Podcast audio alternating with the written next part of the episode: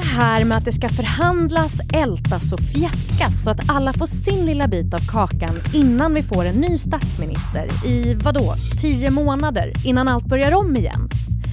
I couldn't help but wonder. Finns det inte något mer effektivt sätt att komma fram till vem som ska vara Lucia än sju sorters kakor på talmannens rum och politiska vildar som plötsligt får skitmycket att säga till om? Och kommer Magdalena Andersson och Stefan Löfvens känslosamma tal förra veckan inspirera andra politiker att dra fram fiolerna varje gång de ställer sig i talarstolen från och med nu?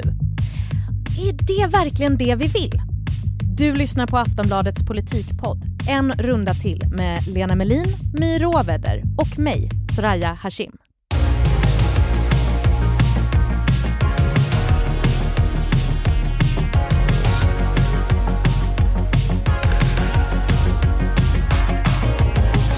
Okej, det är torsdag morgon, klockan är 14 minuter över nio. Var exakt står vi i det parlamentariska läget den här sekunden? Ja, talmannen ska snart inleda sina talmansrundor och han ska sen berätta vad han har kommit fram till. Eh, men vilka steg är det som ska tas nu? Alltså fram till att vi vet med 100% säkerhet vem som är statsminister efter Stefan Löfven? Ja, alltså, talmannen är ju den som håller den här processen och äh, när han har kommit fram till vilken statsministerkandidat som kan tänkas eh, ha stöd i riksdagen eh, och bli vald, då lägger han fram ett förslag till riksdagen och sen så bordläggs det eh, två gånger. Mm. Om vi säger att han kommer fram till någonting eh, bums så, så bordläggs det på fredag och på måndag och sen så röstar man då sannolikt på tisdag. Okej, okay, så tidigast tisdag, eller tidigast nästa vecka vet vi någonting egentligen? Nu ska vi bara följa de här rundorna. Ja, precis. Och sen efter det eh, så ska det vara en skifteskonselj. Eh, och då troppar eh, Magdalena Andersson iväg med sina statsråd som hon då har presenterat på något sätt till slottet och då, då håller kungen en skifteskonselj och då sker själva regeringsskiftet. Så då försvinner den här övergångsregeringen som vi har just nu och det blir en ny regering ledd av sannolikt då henne. Yes. Men eh, det känns ju lite som att vi är i en ganska tjatig déjà vu det här. Eh, alltså där vi är ett otydligt läge, vi vet inte riktigt exakt vad som händer, vi väntar på en ny statsminister igen. Ska det vara så här? Det är tjatigt men också demokratin. men för jag vet inte, Lena, du nämnde någon gång att du tyckte att så här, det här är inte värdigt. Hur menar du då? Nej, men det tycker jag verkligen inte att det är, därför att marginalerna är väldigt små i svensk politik. Alltså, just nu är det så här att det är 174 ledamöter som vill ha Ulf Kristersson som statsminister. Eh, det är färre som vill ha Magdalena Andersson, men en, eh, vissa av de här partierna kommer ändå passivt släppa igenom henne. Mm. Och vilket gör att hon kan bli vald i alla fall, för det hela handlar om att man inte ska få 175 röster emot sig. Och att hålla på och tjafsa på det här viset som till, som till exempel i somras under den regeringskrisen som var då. För att, för att Ulf Kristersson, som då var alternativet till Stefan Löfven som riksdagen hade röstat bort, skulle säga nej, det funkar inte för mig, det blir ingen regering. Nej, då kan vi hoppa över det här då. då hade liksom, det hade han kunnat tänka ut utan att och, och, och ge sig in i den där leken överhuvudtaget. Ja, vad tänker du kring det, My? Mm. Ja, men det beror ju på det parlamentariska system vi har. Just det här med um, att vi har negativ parlamentarism, alltså att det gäller att inte ha riksdagen emot sig för att man ska bli vald till statsminister. Men är inte det konstigt att man inte är så här för någonting, man är bara inte emot något? Jo, det är konstigt, det håller jag med dig om, men det, det är det, våra grundlagsfäder valde den här denna väg. Ja, och vi, nu har vi den på halsen så att säga. Det finns ju anledningar till att man har ett sådant system också. Det är ju ja. för att man ska egentligen kunna ha, det ska vara lättare att bilda en regering helt enkelt. Hade man haft liksom eh, positiv parlamentarism, då hade man ju behövt ha en majoritet för. Då hade ju inte Stefan Löfven blivit vald 2018. 19 blev det ju. men, men eh, och Magdalena ja, Andersson... Det inte, det beror väl på vilka han hade samlat. Alltså det ställer ju större krav på den som är, äh, har, har vill bli regeringschef att samla en majoritet. Mm. Det skulle förmodligen ta ännu längre tid. Ja. Men så att det finns ju, det finns ju liksom för och nackdelar med alla system. Och sen så är det ju också så här att varför det är så här nu, det är ju för att vi har haft en jättestor förändring politiskt de senaste åren. Och det är ju sen Sverigedemokraterna kom in i riksdagen. Mm. Och att det har ju den här vanan som Sverige har haft att ha två tydliga block, den har liksom kastats omkull och det har tagit tid för partierna att anpassa sig efter det. Att anpassa sig efter liksom ett nytt parlamentariskt läge där det inte är eh, där det liksom inte är en tydlig majoritet eller en minoritet som inte har en majoritet emot sig på samma sätt. Så att det är ju, ja men man har ju kämpat med den här bilden. Jag tror att det kommer bli annorlunda efter nästa val, för att nu är ju då blockpolitiken som den såg ut tidigare, nu är den ju liksom död, alliansen är död. Eh, och SD har ju ingått i liksom någon slags nytt block, så vi får väl se vad det betyder för en regeringsbildning 2022. Mm. För att som det ser ut opinionsmässigt så är det ju inte jättestora skillnader från valet 2018. Alltså det kan ju hända mycket, men det är ju fortfarande otroligt jämnt. Så vi får väl se vad den här förskjutningen nu då mm. kommer att göra, att Sverigedemokraterna ingår i ett block som de inte har gjort tidigare. Men då kommer ju frågan igen, är det här verkligen det bästa systemet vi kan ha? Hur gör andra länder?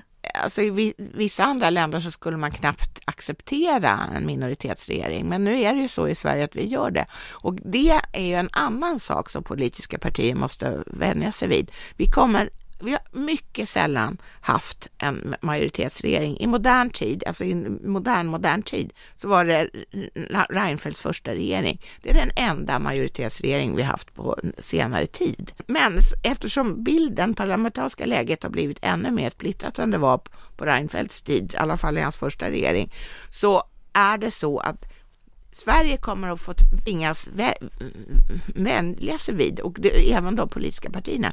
Regeringen har en väldigt smal bas i, i riksdagen. De kommer inte kunna bilda regering annars, så länge inte något radikal förändring äger rum. Och då får man laga efter läge och eh, sköta landets ledning på det sättet. Ja, men finns det någon slags samtal om huruvida det finns ett bättre sätt att göra det här på. Det, jag kan ju verkligen inte vara den första som sitter här och tänker denna tanke. Folk måste ju prata om detta. Ja men då finns det ju som man, det finns ju då olika exempel i andra länder. Det finns ju i Tyskland till exempel har man ju 5 spärr. Det har man diskuterat här, det skulle ju ta bort de här småpartierna. Det är lättare att bilda regeringar om det är färre partier.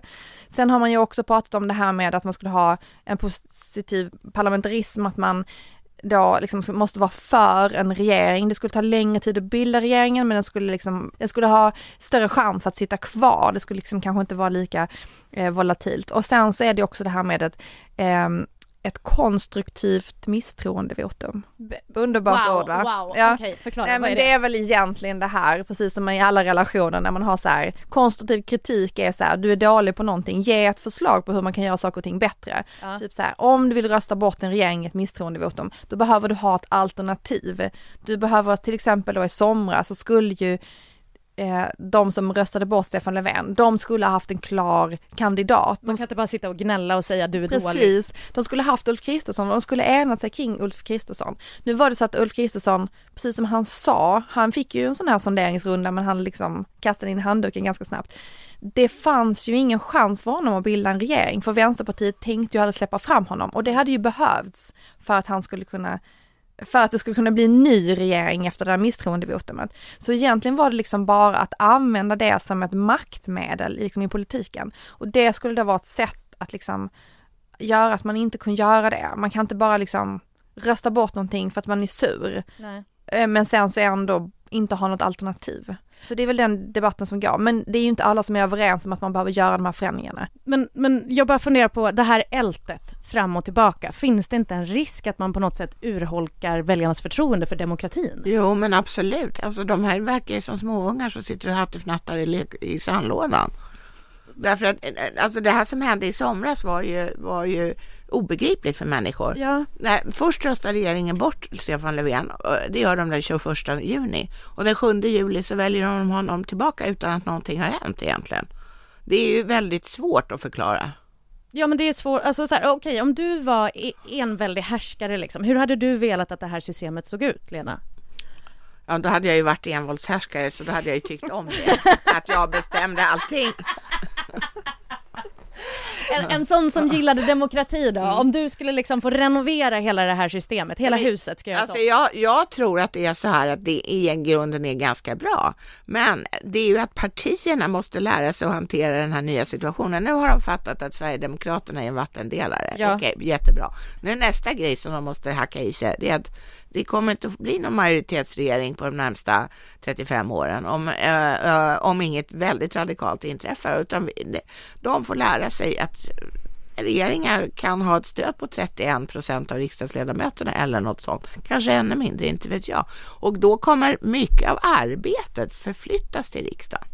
De borde gå i terapi hos Lena. Eh, ja. Lena telling it like it is. Sätt dig exakt. ner, hacka i dig det här nu. Nej för hon har helt rätt ju. Men- det är ju det här som är verkligheten. Men samtidigt så här, om, om nu, för, för det det låter som hela tiden är att man försöker parera Sverigedemokraterna, att allting sker på något sätt i förhållande till att Sverigedemokraterna inte ska få så mycket makt. Men finns det inte ett jättedemokratiskt problem med det också? Det finns ju jättemånga som har röstat på dem. Ja, men det är ju inte så att alltså Sverigedemokraterna, nu är det ju så att flera partier tänker samarbeta med dem. Ja. Men fram Äh, till nu menar jag ja. liksom att man har hållit på och... Jo, det kan, vi säga, kan man ju tycka är dumt. Å andra sidan hade Sverigedemokraterna en vågmästarställning så att de var ju ett tag och då var de ju liksom, då, valde, då var det de som bestämde vilken sida som vann. Mm. Så att det är inte så att de har saknat inflytande även om ingen har velat förhandla med dem tidigare. Nej. Det är ju också demokrati, att partier väljer vilka de vill samarbeta med och inte vill samarbeta med. Så att det finns ju ingen, jag skulle säga så här, det finns egentligen inget demokratiskt underskott i det som har hänt och i det här systemet. Det bara känns så. jag tycker det känns så. Men okej, ehm, sen tänker jag också på det här med politiska vildar. Jag tycker det är lite spännande. Vem, vem blir en politisk vilde? Hur går det till? Det är en som hoppar av ett parti som sitter, alltså, som, har, som sitter i riksdagen och som hoppar av det parti som eh, på vars lista hen är invald på. Men ändå sitter kvar i riksdagen. Ja. Eh, För jag tänker Det är ett på, underbart namn. Det Ja. finns ju också Vildarnas korridor i riksdagen. för de, inte, de får inte sitta kvar där de satt får förut. inte sitta kvar, man blir liksom nedflyttad i en sån här korridor som, sa, vad ska man säga, saknar guldkant, skulle man väl kanske bäst kunna beskriva det. Åh gud vad spännande. Eh, för jag, jag tänkte på eh, Amine Kakabaveh som ju är politisk vilde som gick ur Vänsterpartiet 2019. Hon fick ju jättemycket uppmärksamhet nu i somras eftersom det var så jämnt om huruvida Stefan Löfven skulle få fortsätta vara statsminister eller inte och det kunde hänga på en enda röst i princip. Och, och då fick hon ju en del att säga till om och det förhandlades mycket med henne men vad tycker ni om det? Att en enda riksdagsledamot kan få så mycket makt i ett så viktigt läge? Men då säger jag som My, det är demokrati. Ah, men är det det? Hon har ju inte rollen som folket röstade henne till. Alltså hon har ju hoppat av. Ja, men nu är det så att, att alla sitter på ett personligt mandat. Eh, Så att eh, partierna har egentligen ingenting att säga till om. Om, om alla riksdagsledamöter revolterar så skulle de kunna göra det. En vild riksdag, Ah, wow! jag, jag får lite panage. Jag, jag, jag tycker inte det låter rätt. Men du röstar på en person Mm. från en plats. Men det gör man ju inte alltid. Man röstar ju, man person, gör ju inte alltid personval. Man kan ju Nej. också bara lämna in sin lapp och säga... Mandatet är personligt, men det är ju just på grund av detta att ett parti ska inte kunna göra sig av med misshagliga personer heller bara hipp som haps Nej. utan om du, även om du inte skulle följa partilinjen så har du rätt att inte göra det. Vi har, alltså det var ju inte bara Amineh Kakabaveh som betedde sig lite vilt utan det fanns ju också en centerpartist som hade röstat tidigare emot partilinjen och det är just sånt ju som man kan göra på ett personligt mandat för hon kan liksom inte bli, hon kan bli bestraffad känslomässigt men hon kan liksom inte bli bestraffad just för sin riksdagsplats för att hon inte röstar med sitt parti. Alltså att den där piskan den är hård men den kan inte alltid piska in alla. Finns det något som helst sätt att bli av med sin riksdagsplats? Ja, man kan bli skild från någon av domstol. Om du begår ett brott, blir dömd för ett brott till exempel. Och då ska man vara... Ebba Busch, eller? Ja, man, men domstolen ska ju då upp, anse att man är uppenbart olämplig. Sen har hon väl fått ett strafföreläggande och är inte dömd, är det inte skillnad? Ja, jag, kan, jag vet inte. I, det I är- don't know, vi slänger upp know. händerna och Ja. går vidare. Så här, eh, även om vi löser knuten nu och Magdalena Andersson blir statsminister, så den här lösningen kommer ju hålla i tio månader, sen är det val igen. Kommer vi hamna i det här läget 2022 en gång till? inte otroligt eftersom det kommer vara jämnt i nästa val också. Det är en det är en djup suck i mig som vill ut här. Alltså... Men så här är det, att om, som Lena sa, om partierna går i terapi hos henne och ja. de liksom bara kan lyssna på vad hon säger så här, tugga i er att läget är vad det är. Det är ju inte så att det skulle vara omöjligt att lösa, det är omöjligt att lösa saker nu för att det är massa sånt här, jag vill inte samarbeta med den, jag vill inte ha liksom att den här ska sitta i regering, jag vill inte att den här relationen ska se ut på vissa sätt mellan olika partier. Ja men då blir det svårare, men om man tar bort det och liksom bestämmer sig för att liksom samarbeta kanske lite mer öppensinnigt, då är det ju inte ett problem, då kommer de ju att lösa det. Men de, de gör ju det till slut ändå, det är ju det som är grejen. Frågan är ju bara hur lång tid det tar. För, för, det känns ju som att det bara är, eh, det känns som att det är lite för show, för att det slutar ju ändå alltid med att de kommer till en lösning där de bestämmer sig för att samarbeta ändå. Fast det är ju alltid processer, för det handlar ju också så här, man väljer ju ändå man röstar ju på ett parti för att man tänker sig att de ska ha vissa samarbeten eller att de har, står för vissa värderingar, så det är ju liksom ändå värderingsgrundat politiken. Mm. Och då är det ju faktiskt en grej att man förflyttar sig värderingsmässigt, som Liberalerna har gjort till exempel, eller som KD Moderaterna har gjort. Alltså det är ändå en grej att man förflyttar sig, att man väljer liksom att gå åt ett håll. Mm. För samarbeten, de får ju också ton av liksom andra partier när man samarbetar, för man måste kompromissa. Och då om man är ideologiskt olika, då blir det ju ändå en viss skillnad i den politiken som blir den faktiska politiken. Så, så vad kan partierna göra redan nu för att undvika då att hamna i 45 miljarder talmansrundor? Ja, men det är att inse att det kommer att bli en liten smal regering och att jobbet kommer att göras mer i riksdagen. Men det är också så att, eh, för eh, Ulf Kristersson sa i somras i samband med regeringskrisen då att han, han, eh, han ansåg att regeringen, den, den som då röstades bort, måste lära sig att det är riksdagen som bestämmer. Och det mm. kan man ju tycka, för det är ju riksdagen som bestämmer. Och har man inte fattat det om man sitter i regeringen, då, då, då är det ju lämpligt att man går kurs hos dig. tar in det, det här, den här dimensionen. A-kurs. Ja, ja. Men, men sen så gjorde han ju något, eller Moderaterna något väldigt konstigt. De röstade ju mot Stefan Löfven därför att Vänsterpartiet var förbannad på ett utredningsförslag som, som, som Moderaterna egentligen tyckte var ganska bra. Va? Det kan man ju däremot tycka var lite underligt. Mm. Alltså det är ju politiskt spel, ja. alla sysslar ju med det. det alla partier ju, gör det. Det här är ju politisk dadda, hink och spade låter det som. Alltså det är ju inte ens som att det låter som spel. Det låter ju bara som... Ja, men det var ju det jag sa sandlåda. Ja.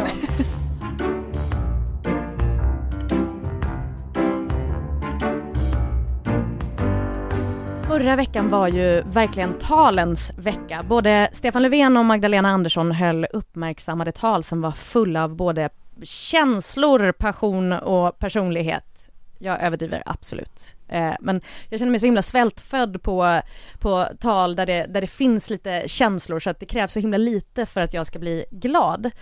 Jag tänkte vi kan börja med att lyssna lite på Magdalena Anderssons tal. Jag hade en arg kvinna i luren häromkvällen. Varför klagar alla bara på hemtjänsten hela tiden? Varför säger ingen något om allt som fungerar bra? Jag svarade, men mamma, det är värt att påminna oss om allt som faktiskt fungerar väldigt bra. Som med pappa. När diagnosen kom så var det en bekräftelse på något som vi redan visste. Det blev en tio år lång resa. Ständigt nedåt. Nej, nu har du fuskat här. Du har lagt på känslosam musik ja. i bakgrunden. Ja. Är det så fel? Det var så det kändes. Det var precis så det kändes. Vilken boost för Magdalena Anderssons ja, varsågod tal. Magda, hon ska belönas för ja. det där talet. Men är, är det inte ovanligt att få köra, höra så här känslomässigt i talen? Jag tror alla vill åstadkomma det, det är inte alltid de lyckas däremot. Eh, alltså det finns ju nästan alltid någon liten familjeanekdot eller något personligt med, men det är ju liksom leveransen når kanske inte riktigt alltid fram till känslor. Jag pratade med sjuksköterskan Anna i Umeå, hon sa så här till mig. Det var ju ett tag när det var liksom en pest. När alla hade pratat med någon. Ja. ja. ja I värsta fall hade de inte gjort det, de hade bara läst i en tidning. Just det. Det var något Almedalen där det säkert var så här 25 olika personer som, som de som höll sina tal hade träffat. Men är, är grejen att man är rädd för att eh, ses som, eller är man rädd att inte ses som seriös om man är för känslomässig i talen? Eller är det Men så de får de... inte, talaren får inte bara gråta själv. Det blir för mycket. Ett litet hulkande kan man kanske tänka sig vid enstaka tillfällen. Men annars så, så ska ju de ändå vara lite strama även om det, de berättar någonting som man märker att de själva blir rörda av och såklart tror att eh, åhörarna också blir det av. Ja, men eh, utöver det då, vad tycker ni är ingredienserna i ett riktigt bra politiskt tal? Men det ska ju vara, det ska, det ska ju vara som all dramatik. Det ska vara glädje och sorg, precis som det var i den här, den här eh, delen av Magdalena Anderssons tal. Men sen så är det klart att ett politiskt tal måste ju också innehålla politik. Mm. Jag är ju helt en känslomässig människa på det sättet att eh, det ska ju, jag tycker att bra politiskt tal ska ju gripa tag i en med känslorna, men sen ska det också förklara hur de känslorna kan översättas, liksom i engagemang och politik. Så här, din känsla du fick nu, mm. hur förändrar den samhället? Varför behöver det förändra samhället och hur gör vi det? Lena, du har ju med dig ett tal som du gillar väldigt mycket. Eh, vill du berätta bakgrunden på det lite innan vi lyssnar? Ja, alltså det, ja, det, var, det är Göran Perssons installationstal, alltså hans motsvarighet till det som vi hörde Magdalena Andersson i alldeles nyss.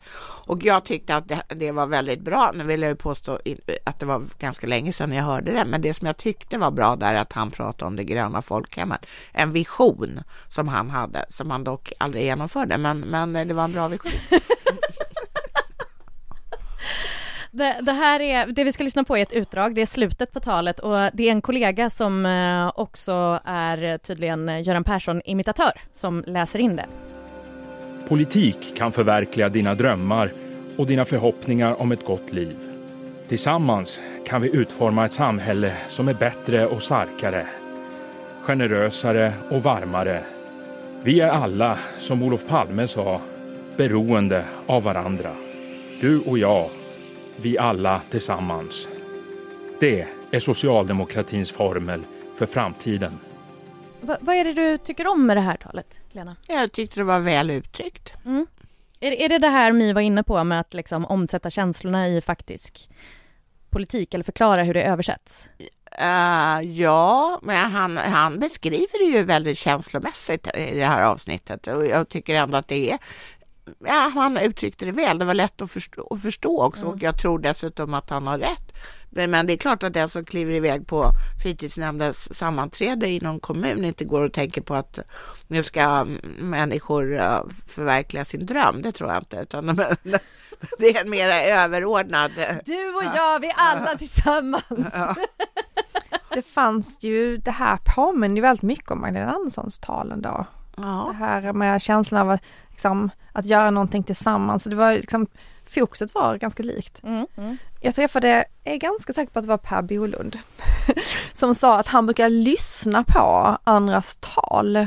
Jag tror ja, att han till, och med, han till och med tog upp det ja. i sitt tal sen på kongressen eh, för att peppa sig själv. Mm. Och, eh, och då tänkte jag så här, det är ju konstigt ändå för att jag menar, det är ju väldigt sällan de är sådär medryckande. Ja. Att man känner sig, ja nu går jag ut, nu går jag till den här fritidsnämnden och så känner jag hur jag liksom förändringskraften bubblar inom mig.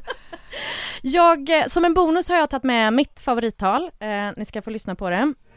We will not vanish without a fight.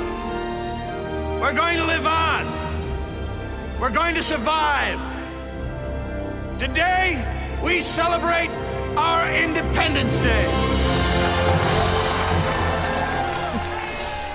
Det är från en film. Det är 100% från en film. Det här är från Independence Day. Men det som är så bra med det här talet, det här är lite det vi varit inne på tidigare, landsfaden som enar nationen i en kris. Alltså här är det visserligen, det är alien som kommer och är på väg att utplåna hela jorden. En kris. Det, det är en kris, mm. typ. Uh, och här blir liksom USAs president, han blir hela världens far och håller det här peptalket om att vi ska in i den här striden. Och det fick mig att tänka på hur mycket spelar tillfället som talet hålls roll? Hur viktigt är tillfället? Nej, men det är klart att det är viktigt för att det, man, talaren anstränger sig olika mycket om det är ett superviktigt tal eller något dussintal. Ja. Så att det är klart att det, betyder, det betyder ju jättemycket. Ja, jag tänkte lite på eh, kungens tsunamital till exempel, eller Stefan Löfven där efter eh, terrordådet på Drottninggatan. Alltså, Det var ju ett av hans bättre tal, men det var ju också sådär för att vid ett sådant tillfälle, ja men då kanske det inte passar att stå och rabbla upp politiska reformer, utan Nej. det talet handlade ju bara om liksom enighet och känslor och samlande och vara en samlande kraft. men borde de inte ta in det mer in i talarstolen i riksdagen? Alltså lite då och då sprinkla med bara de här känslotalen. Skulle inte de... Alltså just partiledaren pratar inte så himla ofta i riksdagen.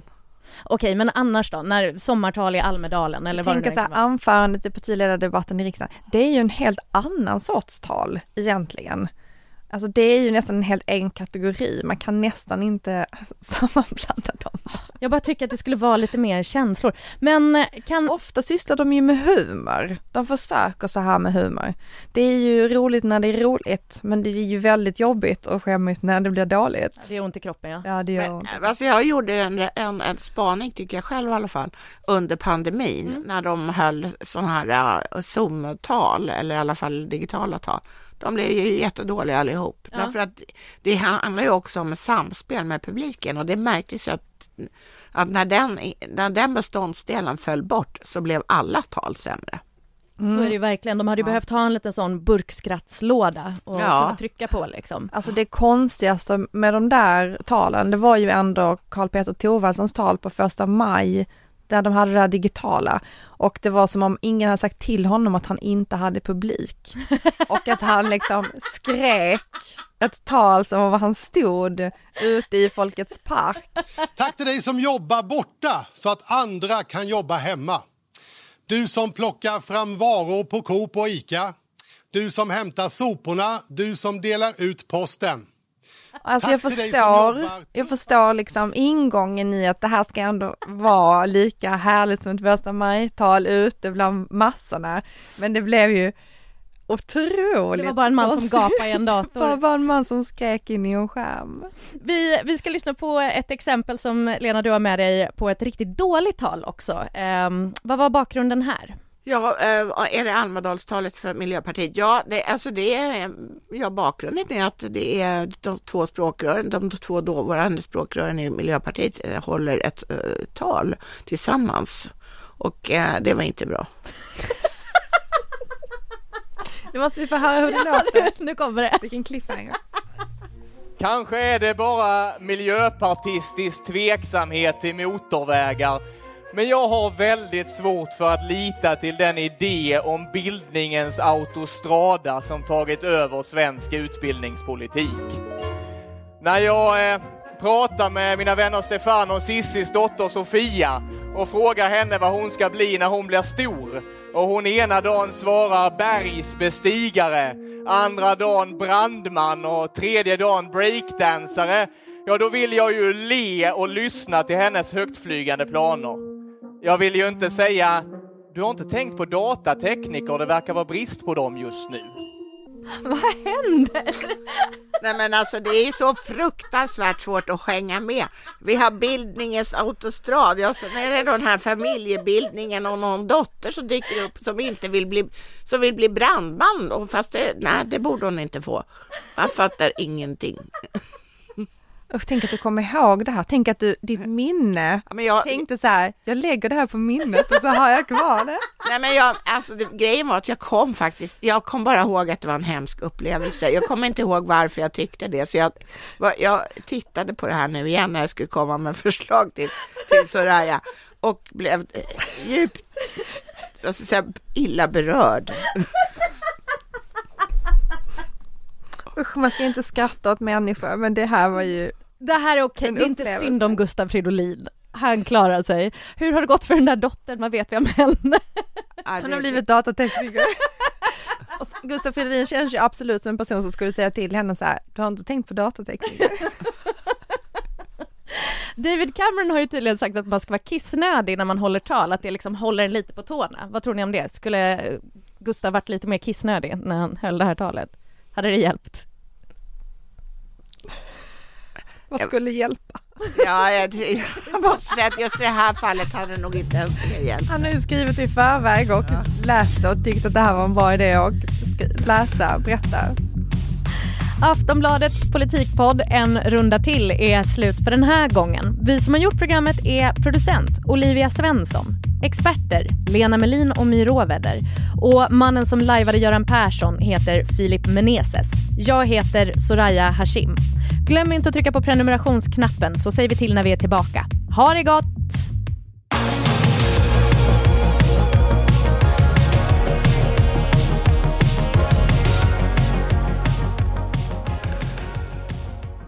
Du har lyssnat på en podcast från Aftonbladet. Ansvarig utgivare är Lena K Samuelsson.